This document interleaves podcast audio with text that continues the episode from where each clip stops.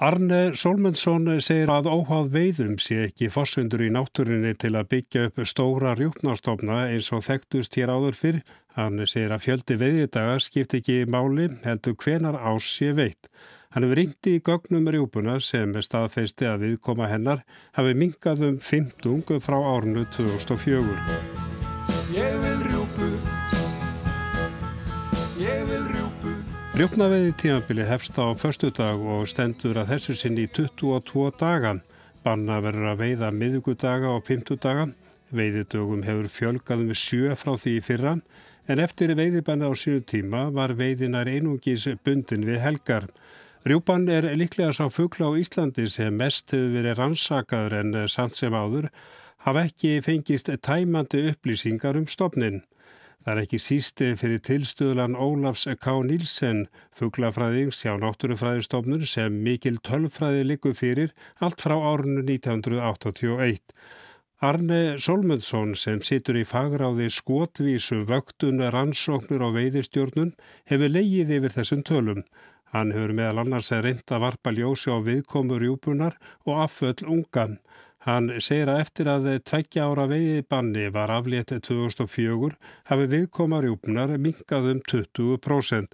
Meðalfjöldi unga sem komust á legg var 8,4 en á síðast ári var meðalfjöldin komin yfir í 6,7. Hann segir að menn hafi tilhengu til að miða við toppana frá 1955 og 1986 og hafi væntingar um að þessir toppar komi aftur. Spurningin er eins og hvort að óhá veiðum, hvort að, hvort að séu fórsendur í náttúrunni til þess að byggja upp slíka stofna og svari við því er einfallega neyð eftir að hafa skoðað þessi gögn. 1955 var rjúpnarstofnin tali vera 2 miljónir fugglam og 86 1,5 miljón.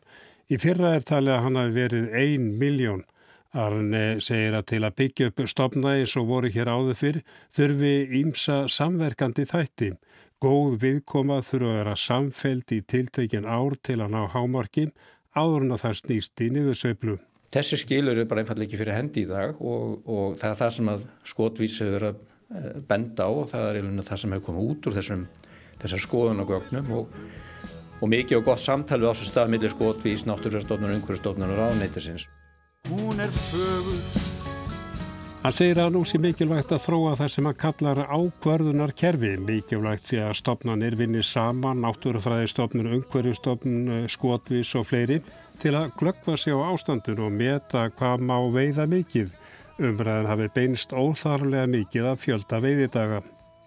Megin eðurstann er svo að það sem er minnst áhrif er dagumræðin, það sem er meir áhrif er hvaða tímum árs er veikt Áður hafi veiðin hafist 15. oktober fram að mánaðamótum er sér rjúpan tiltúlega auðveld bráð vegna þess að hún nappar sér saman. Veiðimenn hafi þá stundað útgerðar veiðar og sömur hverji veitt mikið. Þá namn veiðin 25% af stofnunum. Og það var í lægi á þeim tíma með að viðkoma var í lægi. En núna uh, við núverandi aðstæður er ekki lægi að veiða 25%. Frá 2004 með aðgjörnum sem voru innleitar þá og ég að það hafði ekkert með dagafjöldan að gera, það hafði með það að gera við hliðurum, senkuðum tímabilinu og við brutum upp skilir til, til útgerar eh, á veiðum og, og sölumann og þetta stölaði, þessi þrýð þættir stölaði því að veiða það náðist niður í 10%. Hann segir að nú séum 10% veiðar í læja á hauststofnunum. Það er hins vegar skerði varfstofnin næsta ásum 10%. En það er í lægi því að við erum ekki af áhrif á söflumyndunar, við erum ekki af áhrif á í náttúrulega kerfi. Viðkoma rjúbonar skipti máli. Árni segir mikilvægt að varpa ljósi á hvers vegna hún hefur minkað í síðastliðin ár. Ef þetta fyrir enniðar úr 6,7 og segjum bara nýri 5,5 þá erum við algjörlega búin að fletja út alla sveiflur, það verða sveiflur áfram en sveiflunar eru ekki eins öfgakendar og við eigum að venjast með, með, með rjúpnastofni þar sem við erum vönd því að ná gríðilega sveiflur millir hámarka og lámarka.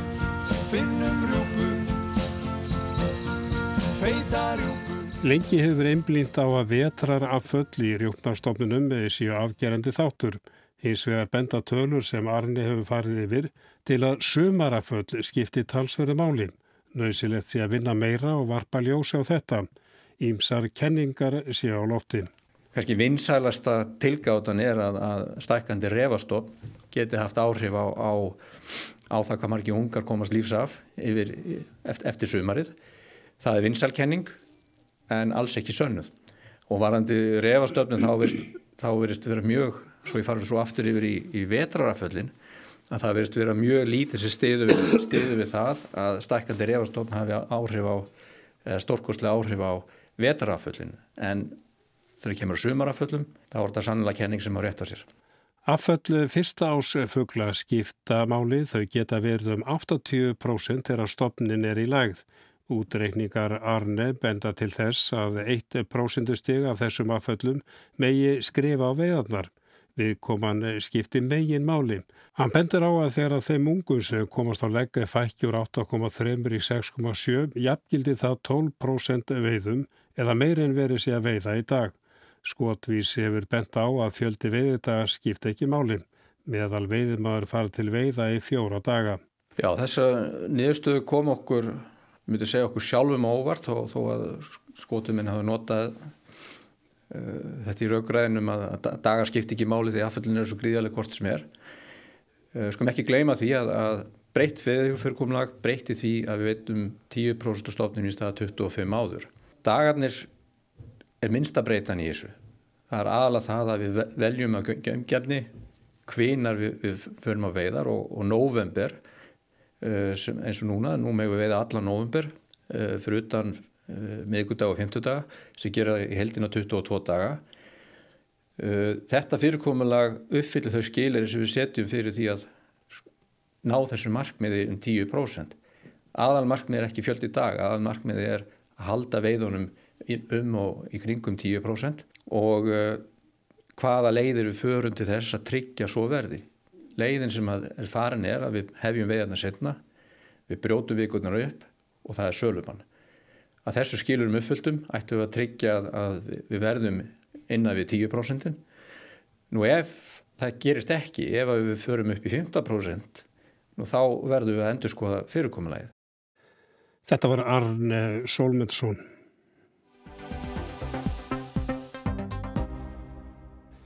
Tveira af hverjum fimm núleifandi íslendingum voru sendir í sveit á sömrin. Þetta ekki með fram í viðamikillir ansóknum hvers vegna krakkar voru sendir í sveit.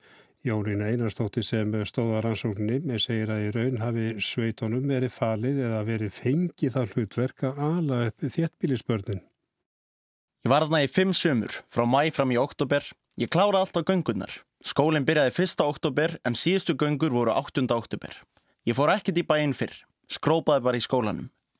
Ég fór í sveitina með rútu. Það var nú ekki eins og það væri brýrað að gönga á leiðinni. Þetta voru vondir malarvegir og ég var svo bílveika að ég ældi alla leiðina vestur. Þetta voru brot úr reynslusögu þeirra fjölmörgu barna sem sendur í sveit á sumrinni fram eftir síðustu öld. Samkvæmda rannsóng sem Jónín Einarstóttir, profesor í mannfræði og Geir Gullóksson, profesor í nattrætni, heilsu og barnalæknir unnum. Um sveitardvölu barna kemur fram að tveira hverju fimm núlifandi Íslendingum hafi verið sendir eða farið í sveit. Einn fymtul hutti hafi alist upp í sveit og tveir fymtu hlutar fóru ekki og aðtillisvert er að helmingur þeirra vildi fara en fjekk ekki sveitaplás. Fjölmargir leggja hönd á plói í rannsóknu sem nú hefur ekki gefur út í tveimur bókum. Önnur bernafnið þetta var í þjóðasálinni og hinn sendi sveit súrt saltað og heimabakað. En hvers vegna voru börn sendi sveit?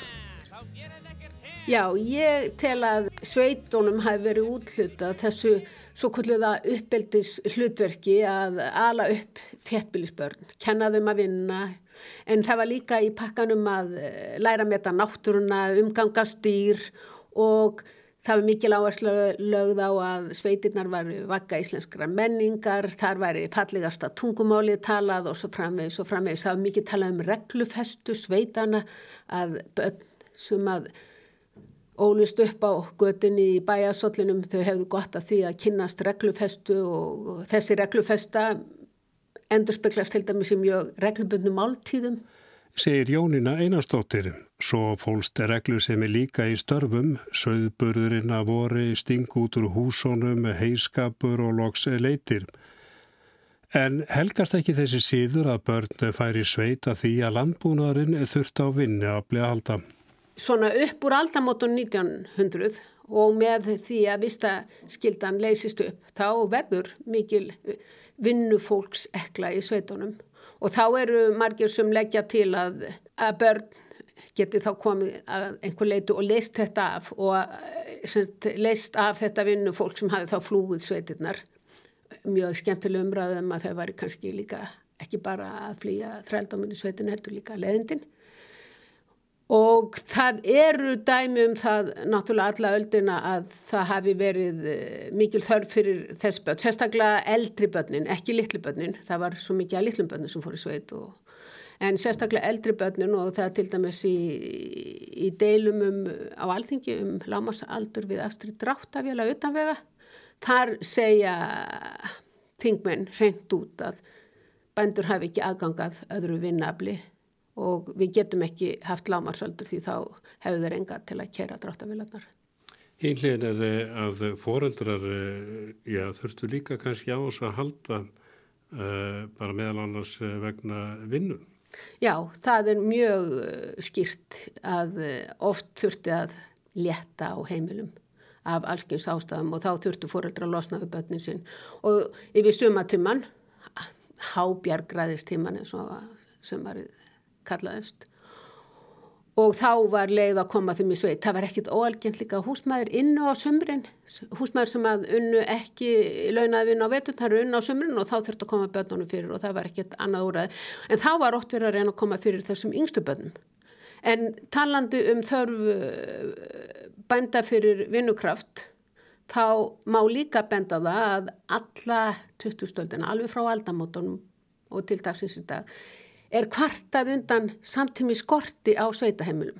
Og ein aðal ástæða þess að fara ekki í sveit var svo að viðkomandi hafði enga stað að fara á. Þið törru við já, fjöldan allan af börnum sem að höfðu verið í sveit. Þau voru þarna mörg hver ansi lengi, þetta var ekki eins og kannski setni tíð tvær vikur, þetta var kannski fjóri til fimm mánuður á ári. Eh, getur þú sagt eitthvað um það hvernig börnunum leið? Var þetta leiðin vel eða leiðin illa? Var þetta allt frá því að vera góð heimili yfir það að vera slæm heimili? Eh, Það er mjög augljóst að við tölum fólk að fullur fólk þá sem var sendið sveiti sko, að aðlatri að vera var að vera hjá góðu fólki. Og það er bara sí endur tekið eh, það koma óvart, það eru ímsir þættir sem koma óvart, sérstaklega með tilliti til umræðu sem að hafa verið um aldamótin eh, síðustu fyrir og eftir um uh, illa meðferð á börnum á stofnunum ríkisins en líka frásagnir að vilja meðferð í sveit. Það kom verulega óvart þráttur allt hvað fólk er ánægt með þennan síð og ánægt með eigin reynslu. 93-94% þeirra sem við, við gerðum spurningalistakonun úrtak úr þjóskrá. 93-4% seg, segjast eiga margar góðar minningar á sveitinni og eh, e, eitthvað heldur læri tala segist vera mjög ánæg með þennan síð og sína dvöl. En Þannig að þið get ekki staðfest að það hef verið mikið óbeldi á bönnum? Við getum staðfest að það var óbeldi á bönnum, já. Það eru þarna 7% eftir sem get ekki sagt að þeir hafi margar góðar minningar og það er um það byrj, ég myndi ekki ská cirka 10% sem er ósættur og var, við vitum að það var ofbeld á bönnum og við höfum heimildur um það líka. Þannig að við höfum sem sagt uh, hóp sem er mjög sáttur við sína döl en það aðtiklisverða er að það þýðir ekki alltaf að lífið hafi verið létt.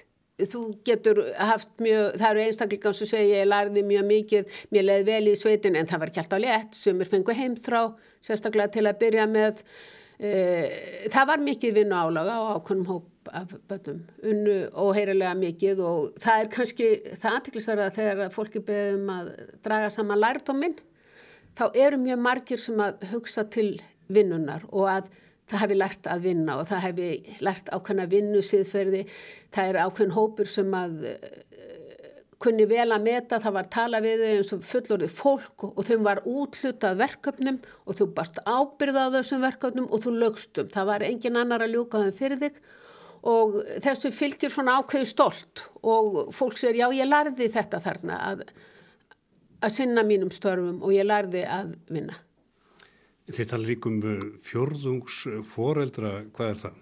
Já, það kemur uh, í beinu framhaldarspurningunni hjá þar á þann. Það er það hvað margir dvöldu lengi í sveitinni. Það var bara stór hópur sem dvöldi þrjá mánuði og jafnvel fjóru og sumur fimm og einhverju glemtist í sveitinni og voru þá einlengur og þá höfum við komið upp með þessa hugmynd að þessi foreldrar í sveitinni sem að fólkið í sveitinni sem önnust þessi bönn voru þeirra fjórðungsforeldrar því þarna var komin fjórðungur úr ári. Og það er líka mjög áhæfert sem ég held að sé nýjumræða um þennan sem ekki hefur verið fjallað mikið um. Það er hvað þýtti það fyrir sveitaheimilin að taka móti öllum þessum bönn hvað þýtti það fyrir bönn í sveitinni að það kom svona mikið sem voru þá fyrir að það komu öll þessi bönn og uh, okkar nýðstur að það eru sérstaklega konur sem að konur til sveita sem að fengu þetta hlutverk að sinna þessum börnum því þau voru sum mjög ung. Og sjá til þess að þau hugga þau þegar þeim letist, sjá til þess að þó af þeim og svo frammeins elda ofan í þau eins og aðra heimilismenn og, og svo frammeins og þá geti nefnt það að það er fullunum kona sem að uh, sagði um daginn í samræðum, kona í sveit, hún sagði hvað ég glattist á hverju hausti þegar að börnin voru farin heim, allir voru sáttir og ekkert alvarlegt gerðist. Ég mynd ekkert alvarlegt gerðist. Eh, þetta voru börn sem að voru mjög ofta að vinna fullorðins eh, vinnu, eh, erfiða vinnu, vinnu slís. Þið farið sérstaklega til næmis í dráttavila slís að þarna krakka voru að keira dráttavilar. Já, við sjáum það að eh, um fjórungur eh, þeirra barna sem fór í sveit og þá má nefna það að, að niðurstuðu okkar sína að 250 af öllum núlefandi íslendingum fór í sveit. Svo þetta var engin smáfjöldi að því að þeim hefur sérlega líka fækkað svona þegar fór að líða á síðustöld og þessari. Og, eh, og stól hluti af þeim, tæpilega helmingur af þeim, kerið dráttavél við ræðum mikið við þau, það var mjög spennandi, þetta var verkefni sem að mörgum sérstaklega drengjónum en líka stúlkum sem óguð fannst eitt af mest spennandi sem gerðu, það var heilmikið ævintir að fá að gera dráttafél og líka ég man eitthvað sem minnast þess bara að fá þessa ábyrð að keira þessa vél. En e, það var mikið að dráttafélaslýsum og banaslýsum og við höfum farið í gegnum bara banaslýsin eins og leggja sig og okkar niðurstaða er svo að það voru fyrst og fremst karpendur sem letist í bannaslýsum en það voru börnið þeirra líka e, lítil börn letist talsvert oft og þá bæði strákar og stelpur oft vegna þess að þeir lettu í vélunum og síðan voru það strákar sendur í sveit og einstakka gestabörn. Þetta var Jónina Einarstóttir